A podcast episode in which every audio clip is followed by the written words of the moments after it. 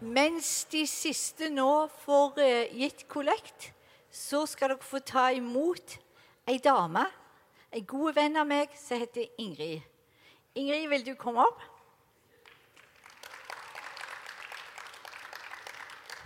Martin, gi meg den. Nei, jeg vil ha mikrofon. Dette er Ingrid. Ingrid, hvor lenge har du gått i Imi-kirka? Siden i august. Ja. Hvorfor kom du i Imi-kirka? Ja, si det. Jeg møtte Einar Martin som fortalte meg masse fine ord om IMI. Eh, og så fant jeg ut at da skal jeg prøve det. Nå har jeg eh, alltid hatt, eh, hatt min tro, men så kommer jeg fra ei lita bygd oppe i Nord-Norge der det å være kristen ikke var så kult. Og var du kristen, så var du gjerne restatianer, og dem var det sånn som man bare rista på hodet av. Um, men så har jeg to siste årene prøvd å skulle finne litt mer ut av Jesus. Gått litt i katolske kirker. De har messe hver dag klokka seks, så det var veldig greit. Eh, og så møtte jeg Einar Martin og bestemte meg for at nå skal jeg prøve IMI. Ja. Mm. Nå har du vært. Og siden har du vært Ja. Og når du har vært på alfakurs. Mm, til Leos. Eh, Jeg har en guttunge som går på join. Jeg har en liten en som er mer på barn IMI. Jeg er med i IMI Tananger. Ja, litt sånn.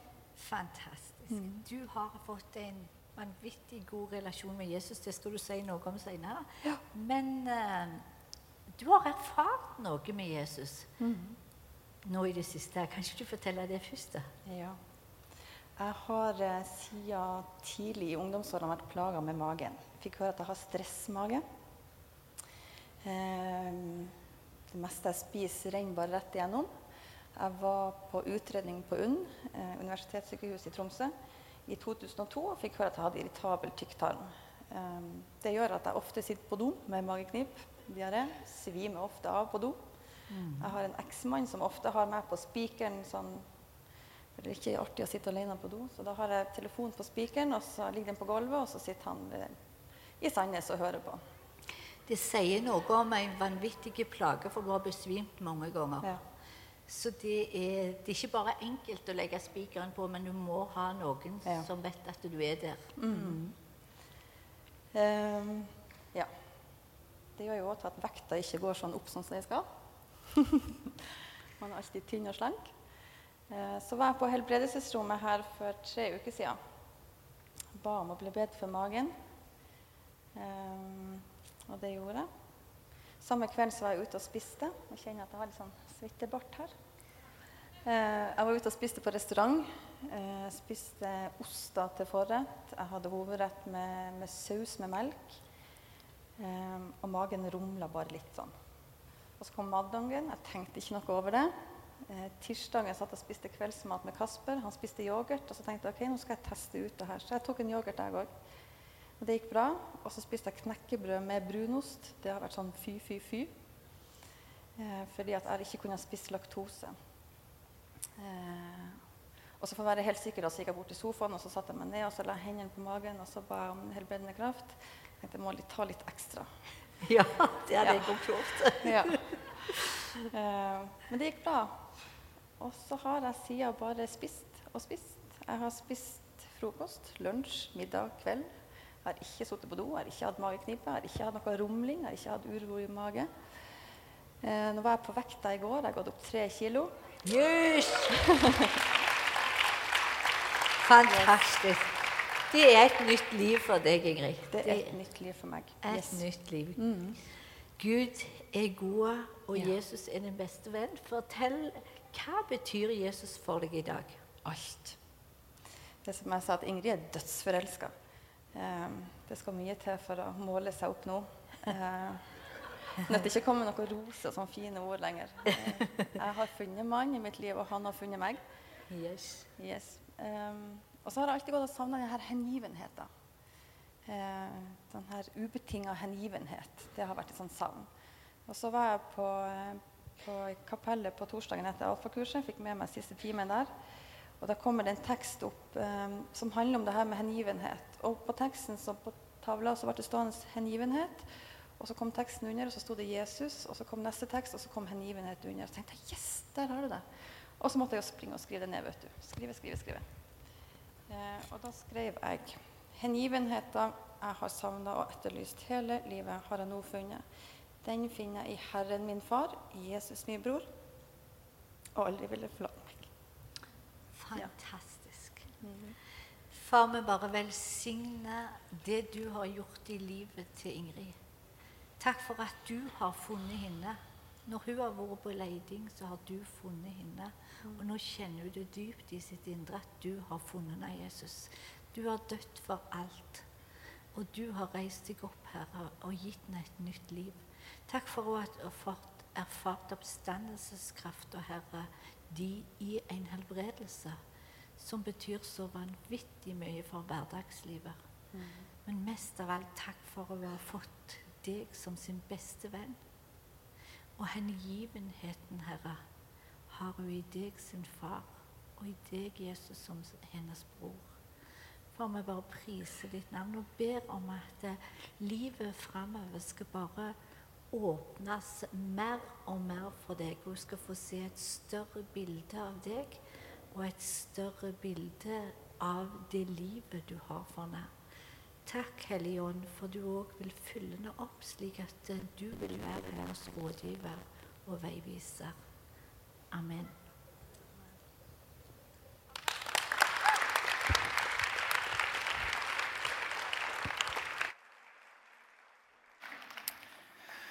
Takk skal du ha, Ingrid. Takk skal du ha, Irene. Det er, det er nydelig å høre. Takk fordi du delte det med oss. fordi det er, det er noe som griper inn i livet vårt, og du har fortalt som på en sånn sterk måte. Og Det som er viktig for oss å få tak i, det er det at når, når Gud handler inn i mennesker sitt liv vi, vi har ingen forklaring på hvorfor ikke det skjer mer og oftere. men men det er på et vis ikke vårt ansvar. Det vi vil gjøre som kirke, vi vil, vi vil fortsette å bare presse på. Og, og, så sier Skriften også at når vi er tro i små, så vil Han sette oss over større ting. Og vi tror det er en forbindelse mellom en menighet som, som tror Guds ord og handler på det, eh, men som ikke lar seg styre av omstendighetene eller hva som blir utfallet av det. Eh, og det vi ser, det er at Gud griper inn, og, eh, og vi får se Gud helbrede mange mennesker eh, gjennom tida. Så, så, for oss er dette et vitnesbyrd om at det vi holder på med eh, På den ene sida forteller oss om at Gud handler, og på den andre sida vi tror vi skal få se et voksende innslag av dette eh, i våre liv og i menigheten sitt liv. Så det skal dere ha. Det tror vi. Og Thomas han eh, minte meg om noe som vi alltid skal gjøre. og Det er når vi har hatt sånn et kraftig vitnesbyrd om mage-tarm, om allergier, så vil Gud gjøre det igjen. Vitnesbyrd betyr at han vil gjøre det igjen.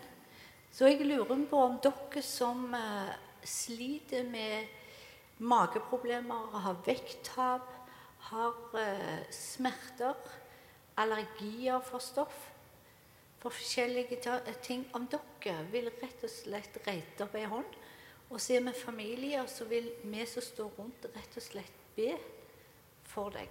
At du òg skal oppleve helbredelse. Da må dere rekke hånda så høyt at vi ser den, og så kan folk komme rundt og be. Dere ser bare, de som har... Bare reis dere opp alle sammen, for da ser dere rundt dere hvor det ja. er folk som de har De som står, kan dere være snille og gå og legge hendene på de.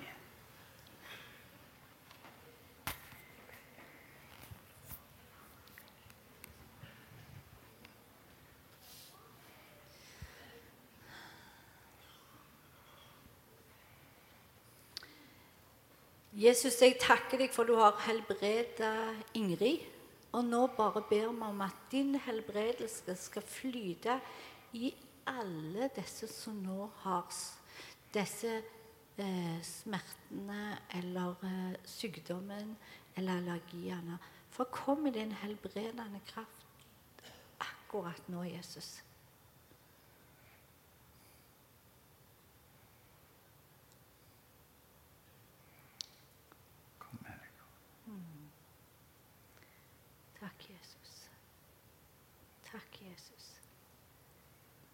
For det du gjør. Takk for det du gjør, Gud.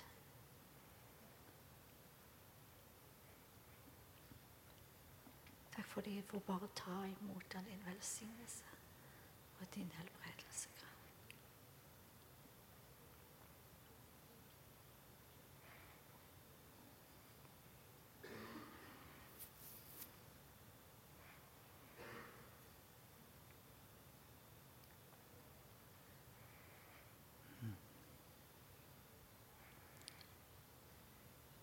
I Jesu navn.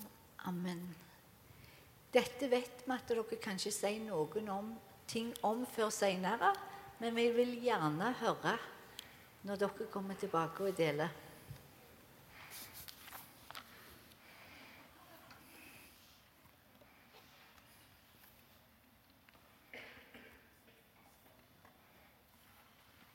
Jesus er god.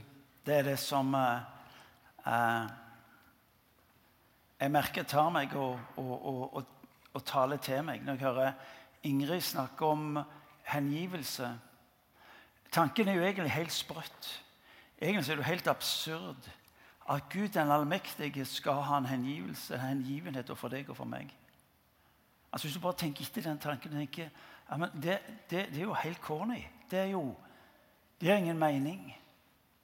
Og så er det allikevel det som er hovedinnholdet i, denne Bibelen. Det er Guds hengivenhet til deg. Ikke pga. at du fikser tingene, ikke fordi at du har tingene på stell, ikke fordi at du har fiksa alt, men fordi at han elsker deg. Og det, er jo det som er hele greia når det gjelder troen på Jesus. Det er jo at han han, vi synger jo barnesangen han, han, er så begeistret. Hva er det vi synger han, han er så begeistret at han kan ikke la være å ta øynene fra meg. Ja. Det er barnets vei å si det på. Men, men han er så begeistra, han er så hengiven, for han kan ikke la være å ta Han kan ikke ta øynene fra deg. Kan ikke la være.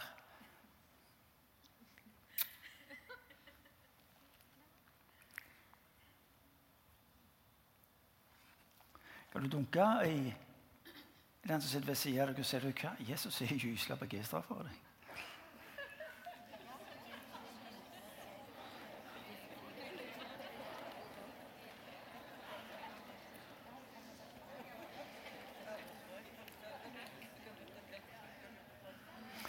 Jeg kan jo si en ting til.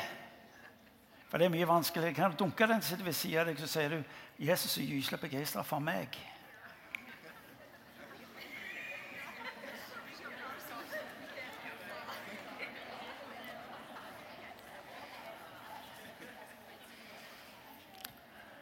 Du vet, Vi, vi er gyselig flinke til å fortelle om alle de som er kvalifiserte, alle de som fortjener, alle de som passer inn og så har vi denne her ubendige trangen til å diskvalifisere oss sjøl og på et vis sånn flytte oss vekk ifra.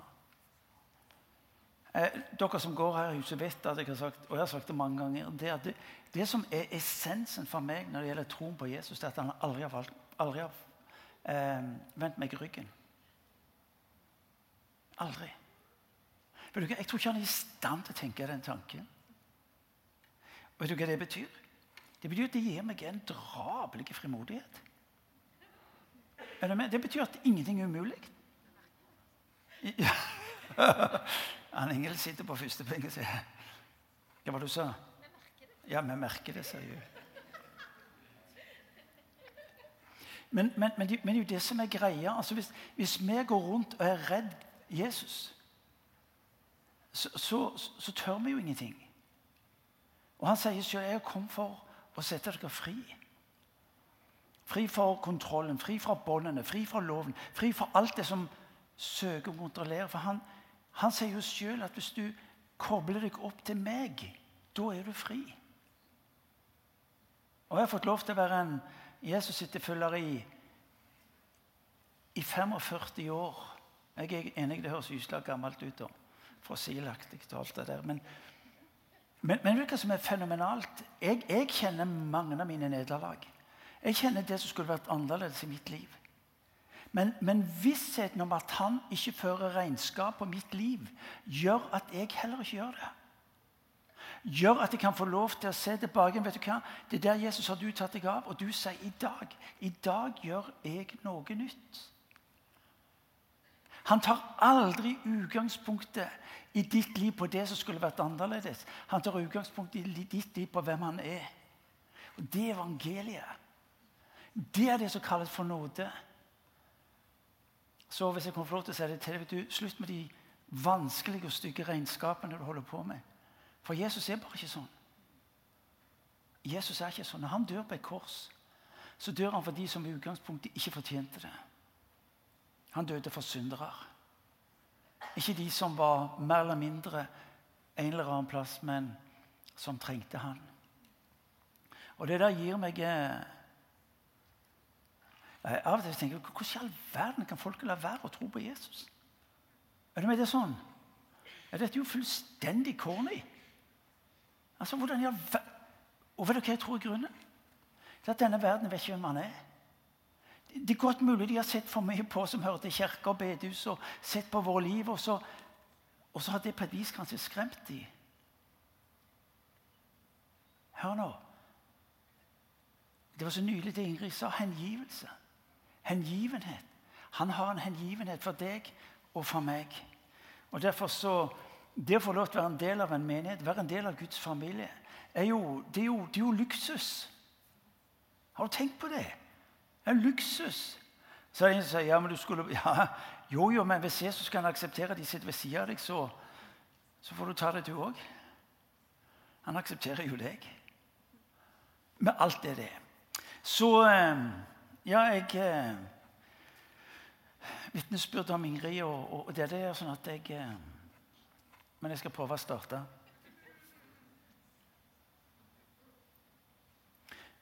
Nesten. Nei, nei, men, men, ta det der. Når du står opp om morgenen bare tenk den tanken, Når du står opp om morgenen, så har Jesus ett ønske til å velsigne ditt liv. Uten å spørre hvordan det gikk på dagen før. Er du med meg? Du må holde på med regnestykket og si nei, jeg har gjort det, det, det, det, der. Beklager, Jesus, men du Nei. Hver en dag møter han meg som den som elsker. Skal jeg si det, Når du våger å leve i hans kjærlighet, da du, hør meg riktig, da er du uovervinnelig. For utgangspunktet er nemlig ikke hva du sjøl klarer å få til, men hvem du får være en del av. Hans nåde. Ja. Hver dag, hver morgen. Nytt ark. Ja. Hadde det vært flere pinnsvenner her, så hadde de sagt amen. Det hadde ikke vært kult. Altså, nei, altså det, Dette er karikaturen. Jeg har ennå ikke begynt. Jeg ville bare si det. Ja. Kona mi sitter på første benk og sier nå må du begynne. Halleluja. Jeg mener du òg skal begynne. Ja. Skal jeg bare fortsette?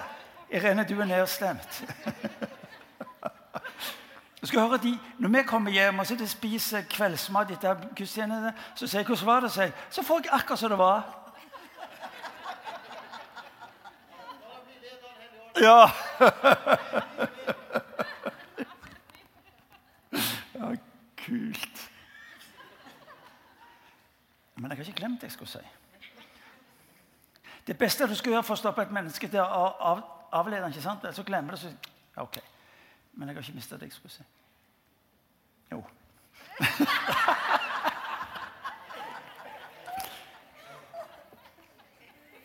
Nå sitter styreformannen her nede. Han og meg skal treffes i morgen. så han kommer til Martin, du må. Og du vet, Han er ingeniør i tillegg. og du vet, Ingeniører at de er ganske beine sånn i hodet. Men det vil jeg si at min styreleder han er ikke bare bein i hodet, han er utrolig romslig. Så, så han kommer ikke til å spørre meg sånn.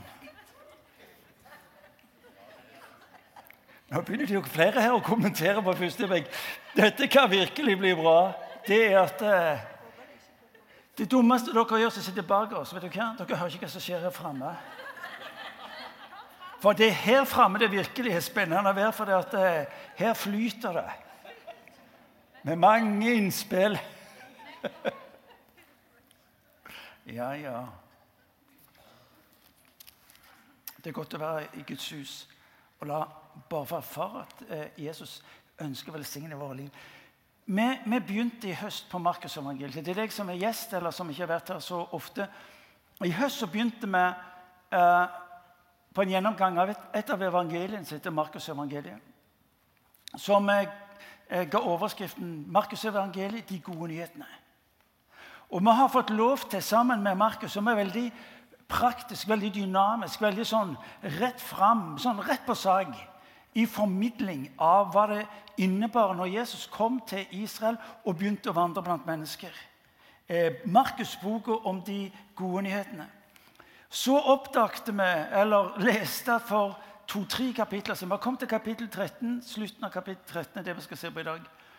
Og så oppdaget vi for et par kapitler tilbake at det skjer en endring. Eh, og Jesus la oss opp til Jerusalem. Og underveis til Jerusalem så oppdager vi at vi går inn på et vis i en helt annen eh, fase i Jesu liv og disiplenes opplevelse av Jesus. Og det er der inne vi er nå. Vi har altså møtt vitnesbyrdet hvor, hvor, eh, hvor Jesus har begynt å tegne opp en del mørke, alvorlige og utfordrende streker. Han begynner å fortelle om forfølgelse. Han begynner å snakke om ting som skal skje av dramatisk karakter. Og inn i den settingen og på slutten av den delen som han nå har delt med disiplene, så leser vi fra kapittel 13, vers 28. Lær en lignelse av fikentre. Når det får selge greiner og skyter blad, da vet dere at sommeren er nær. Slik skal også dere vite når dere ser dette skje at han er nær og står for døren. Sannelig, jeg sier dere, denne slekten skal ikke forgå, for alt dette skjer.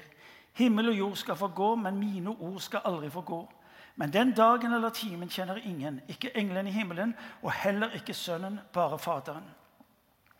Vær på vakt, hold dere våkne, for dere vet ikke når tiden er inne. Det er som en mann som skulle utenlands. Da han forlot huset, overlot han ansvaret til tjenerne og ga oppgaver til hver og en, og til dørvokteren ga han påbud om å våke. Så våg da, for dere vet ikke når husherren kommer, enten det blir om kvelden, midt på natten, ved hanegal eller om morgenen. Når han plutselig er der, må han ikke finne dere sovende. Sier til, der, det sier jeg til dere, eh, og jeg sier, det sier jeg til alle våk.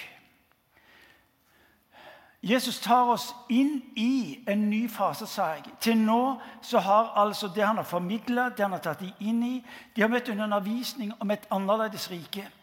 Disiplene har på et vis sittet på første rad og, og, vært en del av det som eh, Jesus hadde som anliggende når han kom til verden. Om en frelse som var brutt inn. De hadde erfart kraften av ham. De hadde sett under og tegn og mirakler. De hadde fått vært med på at eh, eh, at Jesus var den som forandra mennesker sitt liv. Og så oppdager de at folket i Palestina som dette ville gjøre Jesus til konge. Og disiplene leser du òg. Eh, de var begynt å se for seg posisjonene og makta de skulle få i dette nye riket.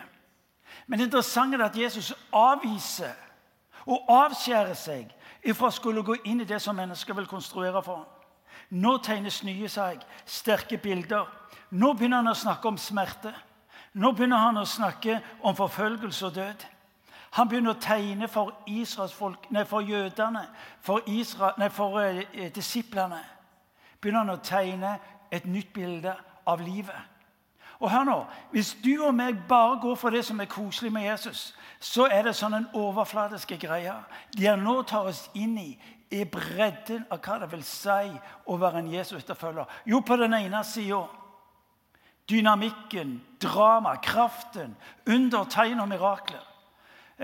Det å ha en Gud som en er, det å ha en som har omsorg Jo, du ser spekteret. Det vi nå berører, det er noe av de mørke strekene. Og Hvis ikke du og meg er villige til å møte de, omfavne de, så lever vi kunstig, unaturlig og fjern fra det som er denne verden.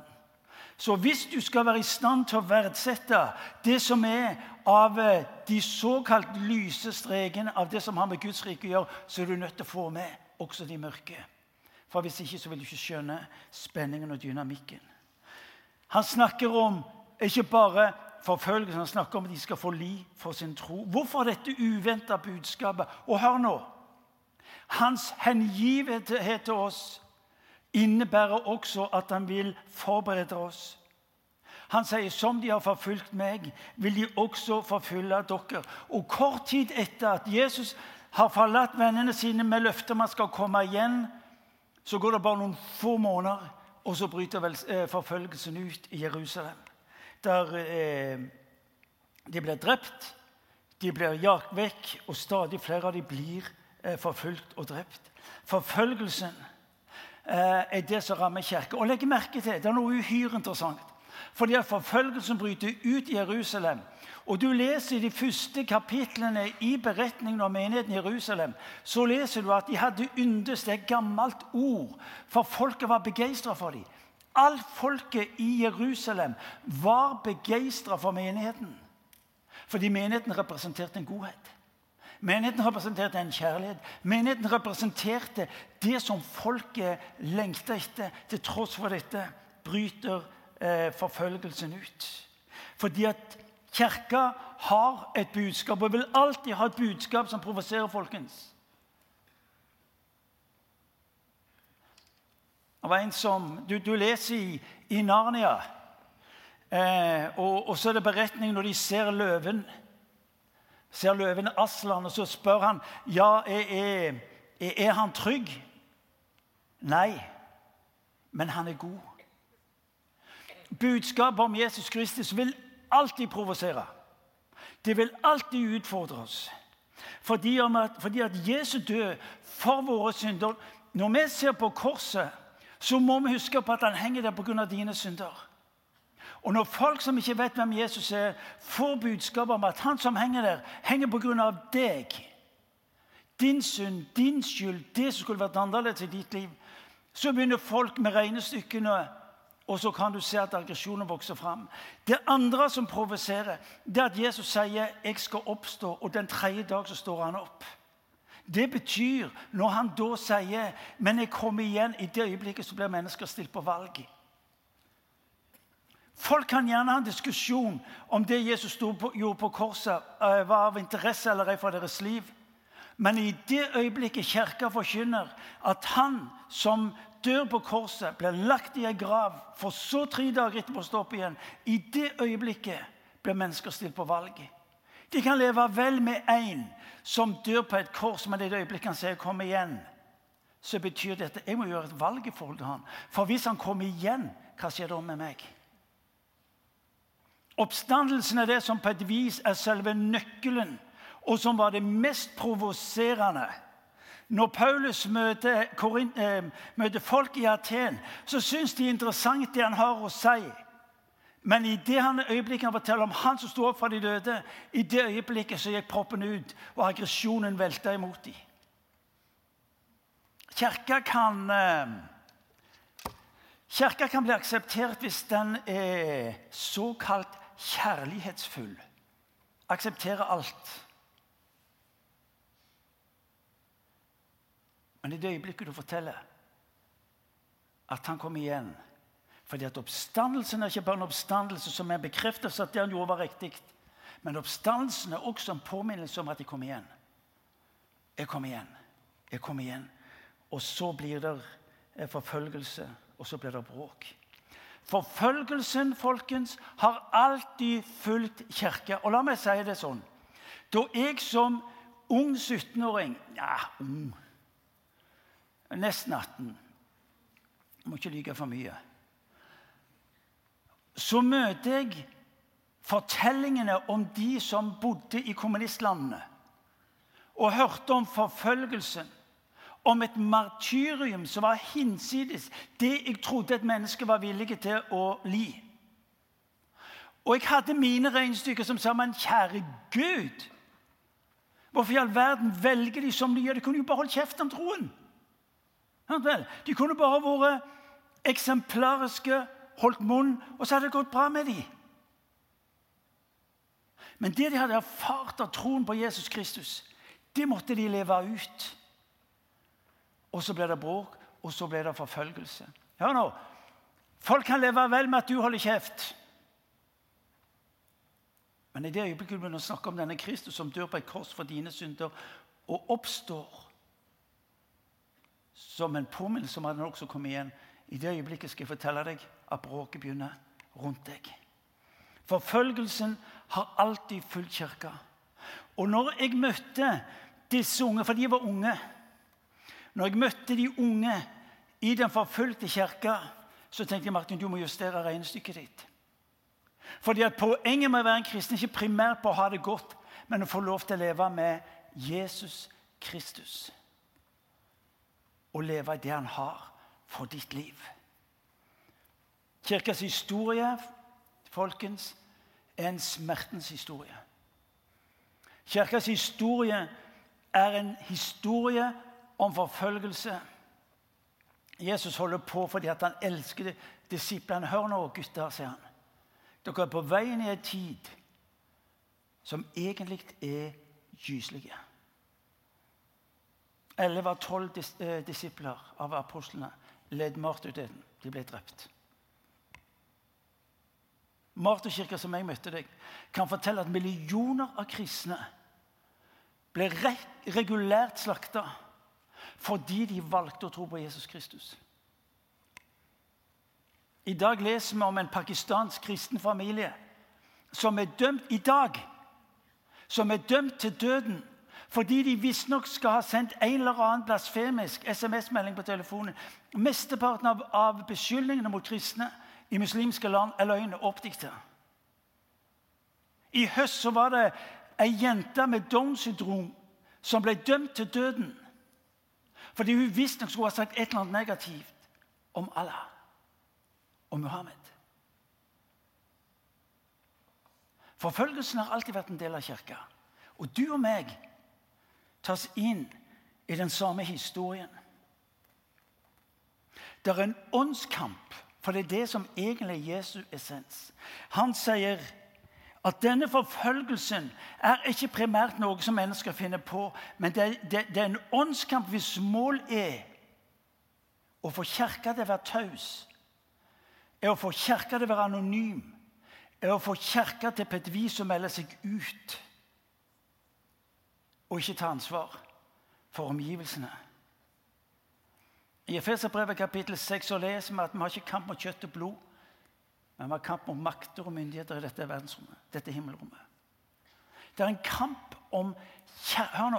Det er en kamp om kirka skal være en synlig størrelse i denne verden eller om den skal være en anonym, religiøs greie som folk ikke tar på alvor, og som ikke lenger er attraktiv for omgivelsene. Vi skal feire påske ganske snart. Neste søndag er det palmesøndag. Det som er greia, det er påske Hør nå. Påske, det skiller menneskene. Det er mange ting som skiller oss som mennesker, men det er påsken som egentlig skiller oss som mennesker. De fleste foretrekker jul. Søtt, varmt, vennlig, vakkert. Noe vi på et vis kan kontrollere. Det, det lille barnet i, i krybba er egentlig ikke så farlig hvis vi er ærlige. Er du med? Ja, jo, men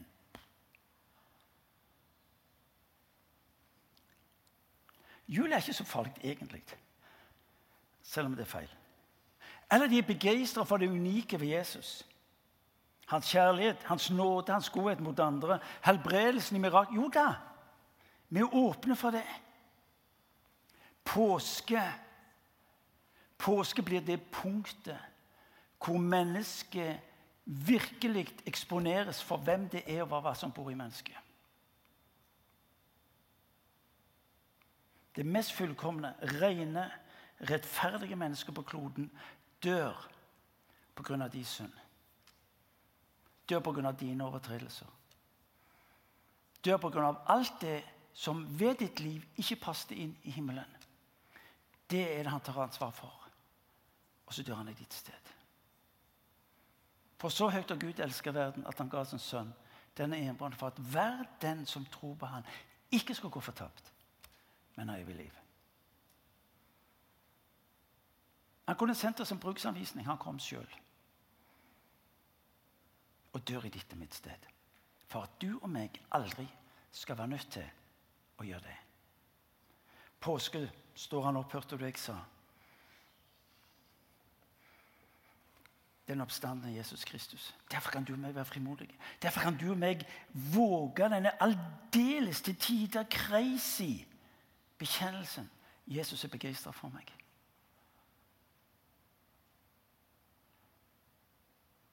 Husker Hanne Therese sa for mange år siden eh, Vi satt i sofaen, og det var, det var skjedd noe som var fryktelig vanskelig mellom en venninne og hennes familie. Og, og, og Hanne Therese var, var, helt knust over det som skjedde.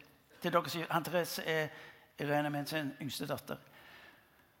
Og Mens vi sitter der i sofaen og snakker om det, så tenkte jeg jeg må prøve å bringe litt balanse inn i dette. her, fordi at eh, eh Det som skjedde i den familien, hadde konsekvenser for venninna til, til, til han Therese. Eh, og denne venninna hadde det svært smertefullt. Og så sier jeg til han Therese ja, men du vet at dette kan jo skje i vårt hjem òg. Eller at pappa kan, kan, komme til å gjøre noe av det samme. Og så ser han Therese på nei det, nei, det går ikke an. Ja, hvorfor ikke det? Nei, du er altfor glad i meg til det hennes tro på at min kjærlighet til henne var med sånn karakter at det ville være umulig for meg å gjøre noe mot henne som kunne føre til at livet ble vanskelig. Når Jesus står opp for de døde, så er det et utropstegn for deg og for meg at ingenting kan skille deg ifra min kjærlighet. Det kalles for nåde, folkens. Og det er rett og slett helt sprøtt er det, altså.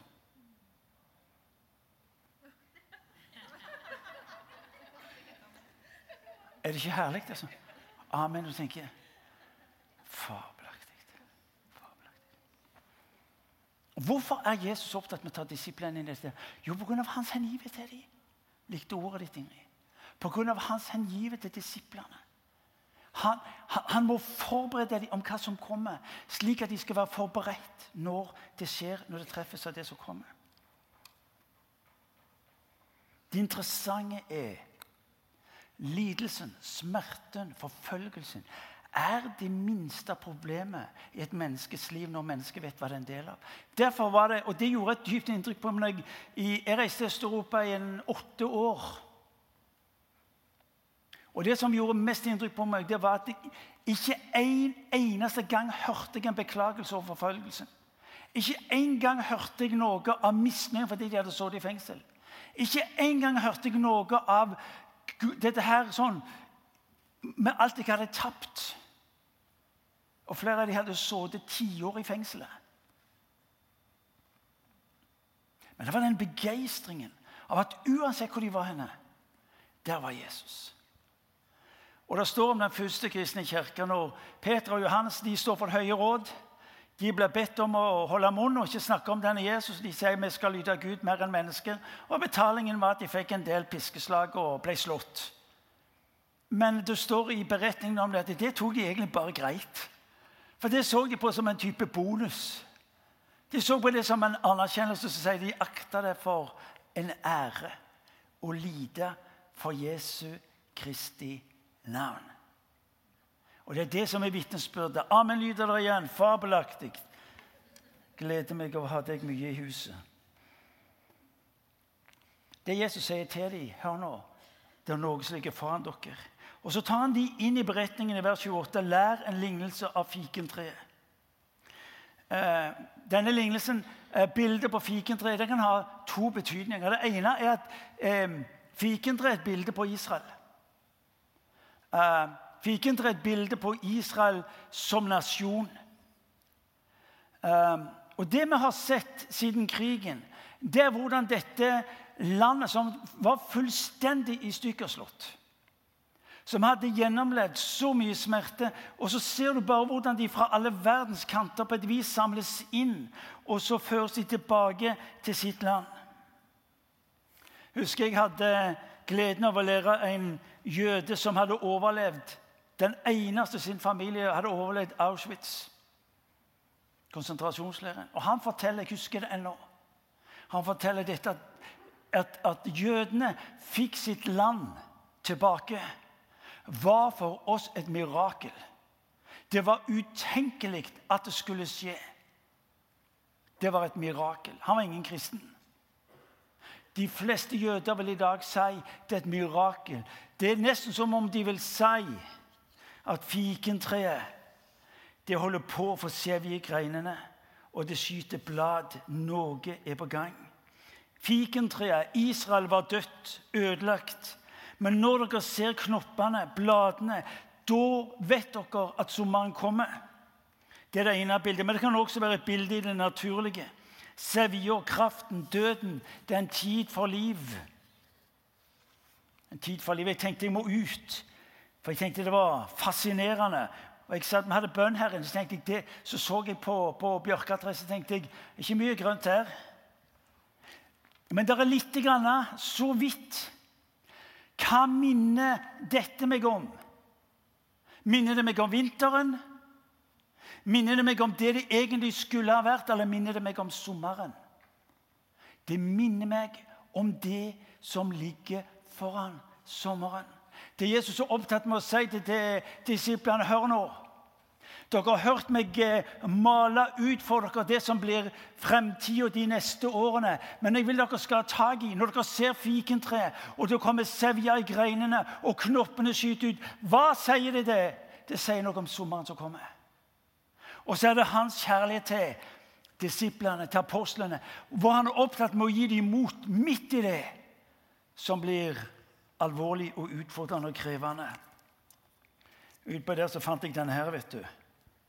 Hva? Den har kommet lenger. For to uker siden så var det bare brunt, mørkt og svart. Det er interessant. Dødt. Ja. Jeg tenker som sagt, Det må jo være ateistens største problem. Ja, jeg tenker, altså, du tenker på deres, Det er steindødt. Ikke liv. Kålene svart. Brunt så kommer lyset. Men det var en helt annen diskusjon. To bilder. Bilder på Israel, men også i det naturlige. Det interessante er at Jesus på et vis sånn avskjærer, eh, og så sier han han er ikke opptatt med å gi en dato. Han er opptatt med å si når alt dette skjer, når, når, når alt rundt dere går i oppløsning, så sier han så skal mitt ord stå fast. Himmel og jord skal få gå, men mitt ord skal stå fast. Hvordan kan han si det? Jo, fordi han omtales som ordet. Jesus omtales. Ordet ble kjød. Slik at Når Jesus bekjenner om at alt skal gå opp i liming, og sier man én ting står fast Ordet. Ja, Hvordan kan han si det? Jo, fordi at jeg er ordet. Slik at det han gjør, han, han snur pilen, han snur spørsmåla inn imot seg sjøl. Mine ord skal aldri forgå. Bibelen har et budskap om og fra Jesus. Han er nøkkelen. Når alt annet brytes ned, da har du mitt ord. Da har du mitt ord. Eh, bare en liten parentes. Eh, det var noe som gjorde inntrykk på meg når jeg møtte eh, Martyrkirke, den forfulgte kirke. Det var deres utrolig kjærlighet til ordet. Jeg har sagt det før en gang. Jeg, jeg husker jeg kom til en by i, i Russland og De hadde fått én bibel på én menighet. Én bibel hadde de på én menighet. En menighet. Og det de hadde gjort, det hadde, de hadde delt den opp. Jeg vet ikke hvor mange deler. Og så gikk de hjem hver til seg, og så skrev de den ned. Så fikk de lov til å beholde sin del så lenge de hadde skrevet den ned, og så sendte de den videre. Og husker jeg når den flyssa jeg holdt i hånda av det som tidligere hadde vært en bibel. Men mitt ord står fast her. For i Skriften leser du om meg, møter du meg. Hvorfor gjør han det på denne måten? I don't know. Hvorfor beskytter han det ikke mot alt dette her? I don't know. Men det er godt mulig at han lar det skje, for at gjennom denne vanskelige tida så skal de selv erfare han er nær. Husker du Daniel og guttene Nei, Kameraten han, han som ble kasta i ildovnen, husker dere det? Les Danielsboka. Sadrak Mesak Abednego, husker dere de? Dere lurte om de på søndagsskolen. Dere husker jo det? Ja, ja, klart det, sier han ingen. Det fortelles at de var i ildovnen, og, og, så kikker de ned i ildovnen så ser de, nei, det var jo fire, det var jo bare tre. Kristus er den som har lov til å være oss nær. Du ser han ikke, men du er aldri alene. Det er budskapet til han. Hvorfor på denne måten? I don't know. Men han holder seg til meg. Er det han sier. I møte med de vanskelige tidene, frykt ikke, for jeg er der. Eh, bare et par ord fra en tilnærmet parallelltekst fra Johannes evangeliet, som vi leser om 1621. Eh, og der, det, der, bruker Jesus et interessant bilde, for han snakker om smerten i et perspektiv. Johannes evangeliet kapittel 16, 21. Han bruker, han bruker denne tiden som en parallell til kvinnen når kvinnen skal fø. Når en kvinne skal fø, er hun engstelig, for hennes time er kommet. Den, time, den timen mannfolk, den har ikke du noe greie på. For det, det, er kun teori. Men de som er født, de hva dette går på. Ja. Men den tid som er smertefull, og den er vanskelig, og den tid som det står i teksten, kan engste seg for, for hennes time er kommet. Men når barnet er født, har hun glemt smerten i sin glede over at et menneske kommer til verden. Også dere er engstelige nå, men dere skal se meg igjen. Jesus forbereder disiplene på smerten og forfølgelsen som kommer, men for at de skal se den i en sammenheng. Siste avsnitt i det vi leste i Markus evangeliet 13, det er at han forsterker budskapet om at Jesus kommer igjen. Men nå med en annen vektlegging. Med en sterk formaning sier han til dem men det dere skal gjøre, det er å våke. Våk, hva betyr våk? Ingen som snakker om at du våker. De sier du må holde deg våken. Er det ikke det vi sier? Du må holde deg våken. Og det som nå skjer, er viktig for deg og meg å få tak i. For det som det er Børre Knutsen som i en tale bruker ordet plutselighet. Nå tar Jesus apostlene inn i en forståelse av livet som er plutselig. Plutselig er det noe som skjer. Plutselig er det noe som skjer inn i tiden. Plutselig er det noe som er annerledes.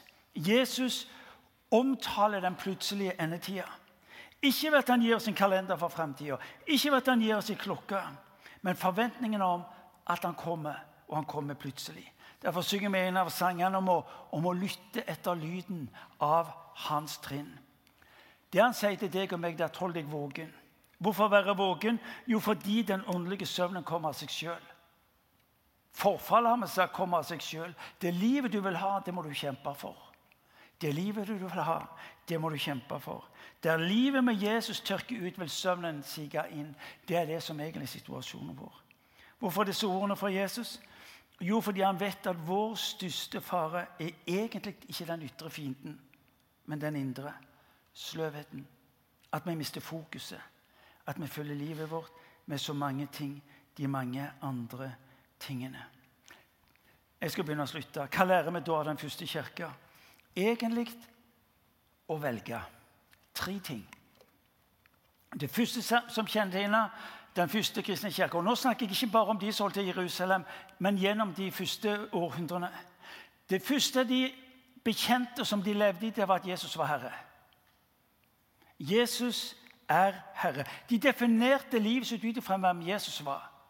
Når Jesus dør på korset, står opp fra de døde, fremstår han som herre. Når Jesus eh, gir bekjennelsen til, apostlene i Matteus evangeliet kapittel 28, så sier han meg har gitt all makt i himmelen på jord. Jeg er herre. Du definerer livet ditt nå ikke ut fra omstendighetene, men fra hvem jeg er. Og Derfor vil du lese når du leser evangelien og når du leser eh, eh brevene i Nytestamentet, så vil du høre at Jesus som, vi bekjenner Jesus som Herre, et gjennomgående rop. Jesus er Herre. Og Der hvor jeg bekjennelsen om at Jesus er Herre, vet du hva? der vil du oppdage at du begynner å se livet annerledes, og du definerer livet annerledes. Hvem er det som skal bestemme? Jesus er Herre. Hvem skal ha innflytelse på mitt liv? Jesus er Herre. Hvem er det som skal gi meg retning? Jesus er Herre. Ja, men det, ja, helt riktig. Men når du ser hva han demonstrerer av kjærlighet for ditt liv på korset Når du oppdager hvordan han velsigner ditt liv, når du oppdager hvem han er, da tenker du vet du hva? Ja, men den Herren, den vil jeg tjene. Den Herren, han vil jeg fylle. For en Herre som dør for sine etterfølgere, han er verd å fylle. Så det var bekjennelsen i ukirka.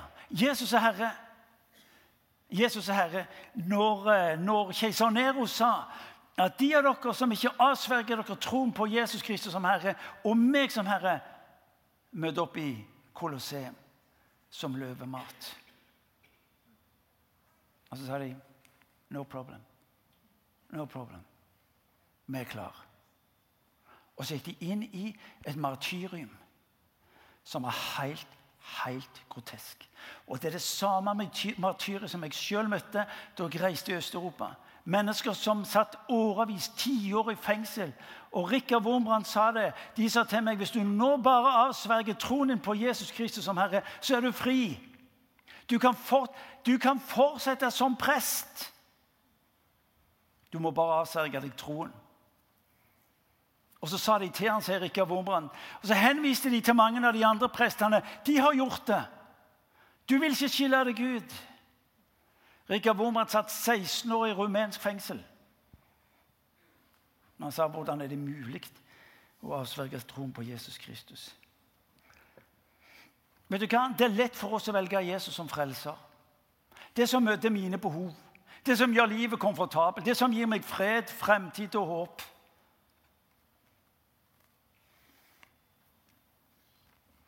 Og så sier han i Johannes 15.: De som holder mitt ord, viser at de elsker meg. La meg få gjenta den glede å være under hans ledelse. Takk Gud for at det er der jeg får lov til å være. Ja, Betyr det at du har kontroll? Nei! Av og til syns jeg han er litt uklar i, i beskjedene og alt det der. Men takk Gud for at jeg får lov til å være der og vite Jesus. Takk for at jeg får lov til å være under ditt lederskap. Takk for at jeg får lov til å gå sammen med deg. Jeg husker, jeg husker um, Adrian Hei, Adrian. Nå er det ikke Per lenger. Adrian sliter med å huske navnet sitt, så jeg kaller han for Per. Men han, eh, han, han ble spurt i avslutningen i boka til, til, til, Mariann så, så, ble han spurt om hva som, hva, hva som hadde betydd mest for han. Det var noe var i Betel, var ikke det? Var det nærvær, eller var det helbred? Hva, hva, hva, var det viktigste for deg Adrian, når du var i Bethel? De var, der hvor Adrian ble helbredet? Hva, hva, ble det viktigste for deg, Adrian? Dette at du ble helbreda eller Guds nærvær? Så sier Adrian Guds nærvær. Folkens, da, da aner vi hva Hvem han ønsker å være i ditt og mitt liv som Herre. Skal jeg si det, Den, setningen der, den traff meg noe aldeles travelt. Vet du hva, folkens? Det er det det kommer an på. Det som er det viktigste. Hans nærvær. Han går foran deg. Han sier i, løf i løftet til Israels folk jeg, jeg skal la mitt nærvær gå foran deg. Jeg husker I samme kapittel litt tidligere sier Gud til, til, Moses ja, men du skal få, jeg skal sende deg en engel han, som, som, tar deg inn i det lovet. Og Moses ikke tale om. Jeg hadde vært fornøyd med en engel. jeg. Men hvis du bare tenker etter Hadde vært fornøyd med en engel, jeg. Kult. Moses sier ikke tale om. Enten så går du,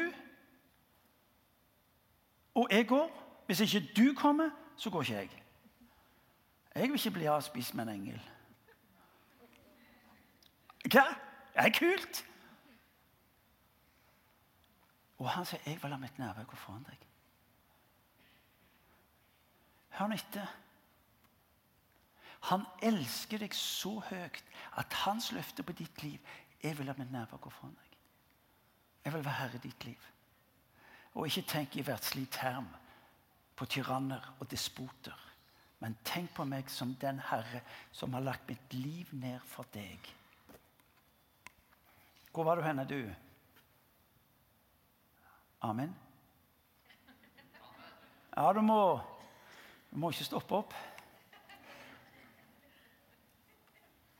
Disippelskap betyr å være, under, hans ledelse. Hans lederskap. Er Jesus herre i ditt liv? Det andre som vi lærer fra urkirka, det var ordet. For i Bibelen får du et rett bilde av deg sjøl og du får et rett bilde av Gud. Altfor ofte så reflekterer vi livet vårt i forhold til hva omgivelsene sier. Hva mener de, hva syns de, hva tenker de? Og så er det det som styrer oss. Bibelen forteller deg hvem du er. Bibelen forteller også hvem Gud er, hvem Jesus vil være i ditt liv. Det er ikke bare bokstaver. For når jeg våger å gå inn i Bibelen, så tar Bibelen meg inn i Guds verden, og så begynner jeg å se ting som overgår alt jeg trodde var mulig. Som gir meg alt jeg trenger for livet. Det gir meg dybde i relasjonen. Det gir meg tilgang til visdom. Det gir meg gudsfrykt. Gudsfrykt betyr ikke å være redd for Gud. Gudsfrykt betyr å anerkjenne Gud for hvem han er.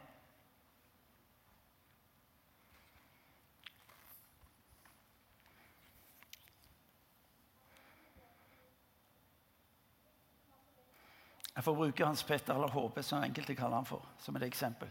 Noe av det som kjennetegner han der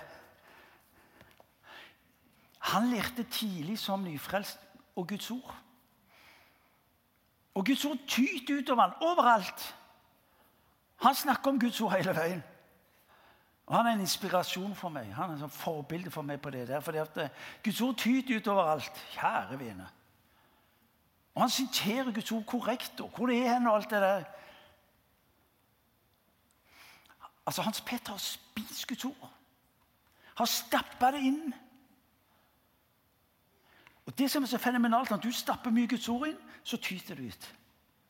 Tenk på det. Ikke bare den naturlige veien, men på alle andre måter.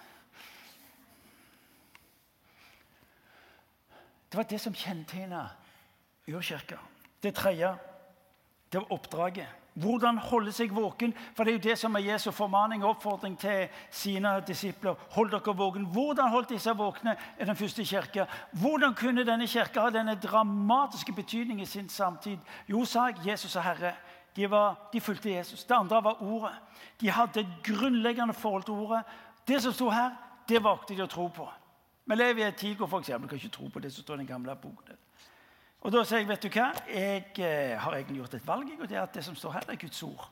Ja, Forstår du alt det som står der? No way.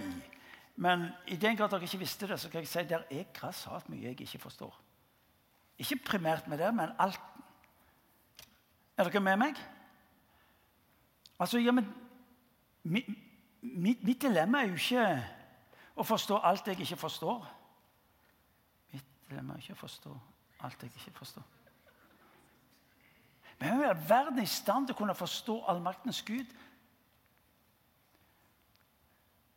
Kirka satsa sitt liv på den. Og i løpet av noen få generasjoner forvandla de det romerske imperiet. Fordi de vågte ordene på å tro ordet slik som de leste det. Oppdraget var det tredje. Hvordan holde seg våken for å forstå hensikten med at du er i denne verden. Du er on a mission, vil jeg ha sagt på farmalandsk on mission. Du er, du er her i denne verden med en hensikt. Du er her med et oppdrag, fordi at oppdraget også holder deg våken. Watchman, en av de kinesiske kristne, forteller en sterk og gripende historie om dette. Han forteller hvordan han og to venner av seg skal krysse et fjell om vinteren. Det snør, og det, været snur om, og det blir svært, svært umulig for dem å gå framover. Men de har ikke noe valg. Enten så går de og håper de kan nå fram, eller så vil de fryse i hjel. Og det som skjer, forteller Watchman i sin bok, det er at underveis så blir den ene av kameratene trøttere og trøttere og sier 'jeg klarer ikke mer, jeg gir opp'. Og så sier Watchman i, vet du hva, vi, vi må bære han. Og så sier den tredje eh, som var med i, Tim Watchman i, 'Det går ikke. Jeg klarer det ikke.' Da, vi må la han ligge, og så må, må vi gå framover begge to. Watchman E sier nei, jeg, jeg, da ber jeg han. Og Så forteller Watchman E hvordan han tar kameraten og ber, mens den tredjemann bare fortsetter framover alene. Watchman E forteller hvordan han bærer kameraten sin over fjellet. Og det interessante er, det interessante er at litt lenger fram på veien så finner de kameraten som har frosset i hjel. Mens Watchman E kommer fram bærende på sin kamerat. Og Watchman E forteller når han kom fram, og de spør hvordan kan det ha seg at du overlevde endog med én på ryggen. Så sier han fordi jeg bar min bror, fordi jeg ble varm ved å bære på min bror, fikk jeg det jeg trengte, den krafta for å fullføre løpet. Du er tatt inn i et oppdrag. Du er en del av en hensikt som hjelper deg til å være våken for det som Gud har for deg. Jesus er opptatt med å fortelle sine apostler, sine disipler, de som skulle ha en avgjørende betydning, at han kom igjen. Derfor vær våken. Og I Bibelens siste bok, det siste kapitlet, omtrent i det siste ordet, så lyder det et rop. Ja, jeg kommer snart, sier Jesus. Og menigheten roper til ham, Amen. Ja, kom, Herre Jesus. Skal vi reise oss, og så skal vi be.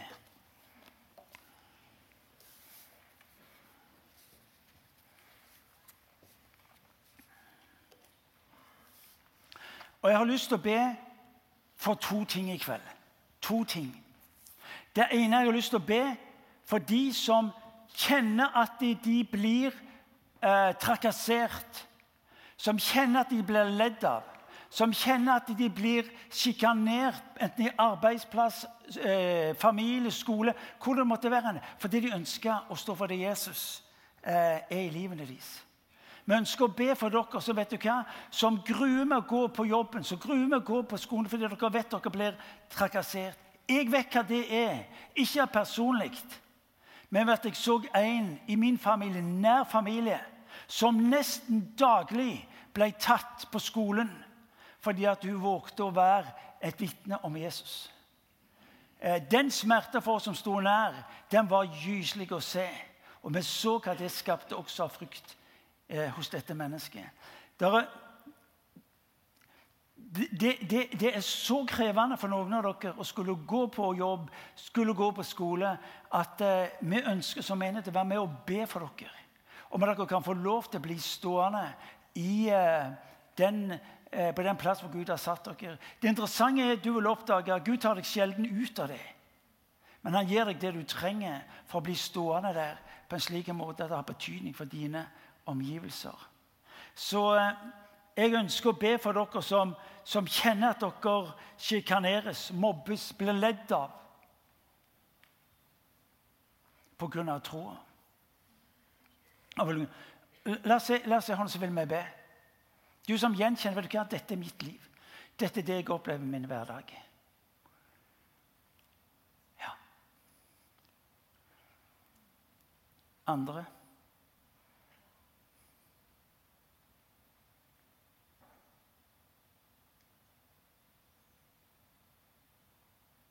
Da vil vi be for de som eh, rekker opp hånda.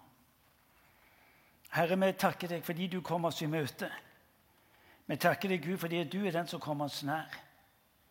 Og nå ber jeg Gud om at du skal velsigne de som eh, gir til kjenne at de trenger at du rører ved dem, Gud. At du støtter dem. At du beskytter dem, Herre, for den frykten det representerer å skulle bli utsatt enten for eh, anonymiseringen eller, eller baktalelsen eller håndflir eller hva det er. Vi, ber om at de skal erfare Gud, at de blir immun. At de bare kjenner Gud, at det bare preller av. Fordi at du er dem nær med din nåde. Vi ber om beskyttelse for dem. Vi ber Gud om at de skal få kjenne at du er den som støtter dem, at du er den som styrker dem, at du er den som holder dem oppe. Herre, jeg ber om det i ditt navn. Far, jeg ber om de som opplever enten det er ekteskap eller familie, Gud at de blir, eh, Herre, at de blir holdt nede. For vi ber imot, Herre, de, den, eh, de kreftene og den ondskap, Herre, som synes å stjele og ville stjele troen og frimodigheten, Herre, på deg. For vi velsigner. Og vi velsigner, Herre, de som, som er dine barn, Herre, og vi ber og gi dem kraft til å bli stående. Vi ber om det i ditt navn. Så vil jeg få lov til å be for dere som er anonyme på jobben. Det var svært få som rekte opp hånda for de som kjente at de ble trakassert og ledd av på jobb. Det kan være fordi at dere andre lever så tydelig, lever så offensivt. Men det kan også være at mange av dere lever anonymt. Det kan også være at dere egentlig har slutta fred med miljøet som gjør at de tåler ikke at noen skiller seg ut som kristne. Jeg vil be for de av dere som kjenner vet du hva? Jeg ønsker ikke å være anonym. Jeg ønsker å få lov til å være en uredd kristen på jobben. Jeg ønsker å være en uredd kristen på skolen, i familien, i nabolaget. For dette jeg tror det har betydning. Det betyr ikke at du nødvendigvis skal preike eller holde andakter. Du kan starte med godhet. Det kan starte med at du gir det mulighet for folk å være nær deg. Du som kjenner vet du hva, jeg har, jeg har ikke lyst til å være anonym. Jeg har ikke lyst til å være ei pingle på jobben. Jeg ønsker ikke å være ei Jeg ønsker at de som har rundt meg, skal vite vet du hva, Jesus er faktisk Jesus er faktisk en det er vel verdt å fylle. Du som er en som hva jeg ønsker å leve det livet på jobben, på skolen Rekker hånden, la meg få se det. Ja. Vær dønn ærlig nå. Kom an, folkens. Vær nå dønn ærlige.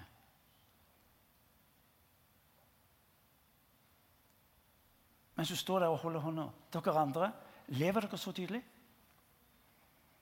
Jesus var litt frisk med sine, så jeg tenkte la meg være jeg òg, da. Lever du så tydelig? Er du så tilgjengelig for troen fra de andre der du er? Kanskje du kommer etterpå, etterpå fram og så forteller meg hvordan du gjør det. For jeg trenger å lære det der. Jeg syns det er vanskelig.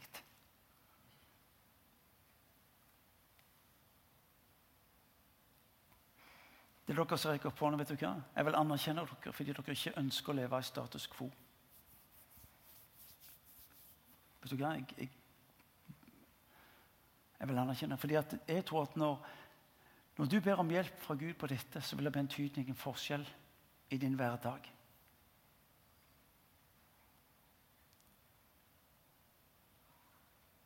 Herre Jesus Kristus, jeg ber at du skulle komme til de nå som står her med hendene riktig opp til deg. For du kjenner hjertene deres. Du ser det at de ønsker å bety en forskjell. Her er det hvor de er på jobben, skolen, familien. Hvor det er hen, Herre. Jeg ber for meg at de skal få kjenne at eh, det er fordi du, du elsker dem.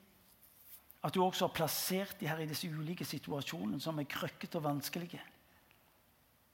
Jeg ber de skal bare få kjenne Gud, at de ikke er der ved en tilfeldighet. Men de er der, Gud, fordi du har satt dem der. Nå ber jeg for meg at de skal på den ene sida kjenne at de står eh, upåvirka av det omstendighetene eller omgivelsene ønsker å gjøre med dem. Og la de samtidig få lov til å stå det her som den Kristus du er inn i vår tid. Hvor de blir et mulighet for din godhet, tilgjengelig for andre. Far, jeg ber du skulle komme til den enkelte av de, far. Der de står. La de bare få kjenne Gud, at du fra i kveld av, Herre, skaper noe nytt. Gjør noe med, med øynene deres, motet på å se ut. Eh, du skal gjøre noe med måten som de lever på, måten til å dele ut her av det gode. Måten her til å være rause, måten til å være anerkjennende, måten her til å, til å ville våge bety en forskjell i andre mennesker sitt liv. Eh, du ved din ånd kom til den enkelte av dem. La dem få kjenne. La dem få kjenne Gud. Hvordan du er den som løser ut livet i deres liv. Far, jeg velsigner deg i ditt navn. Halleluja, Jesus. Far, jeg priser deg. Fordi det, det, er fordi du elsker oss. Du deler med oss de ordene som vi har hørt i dag.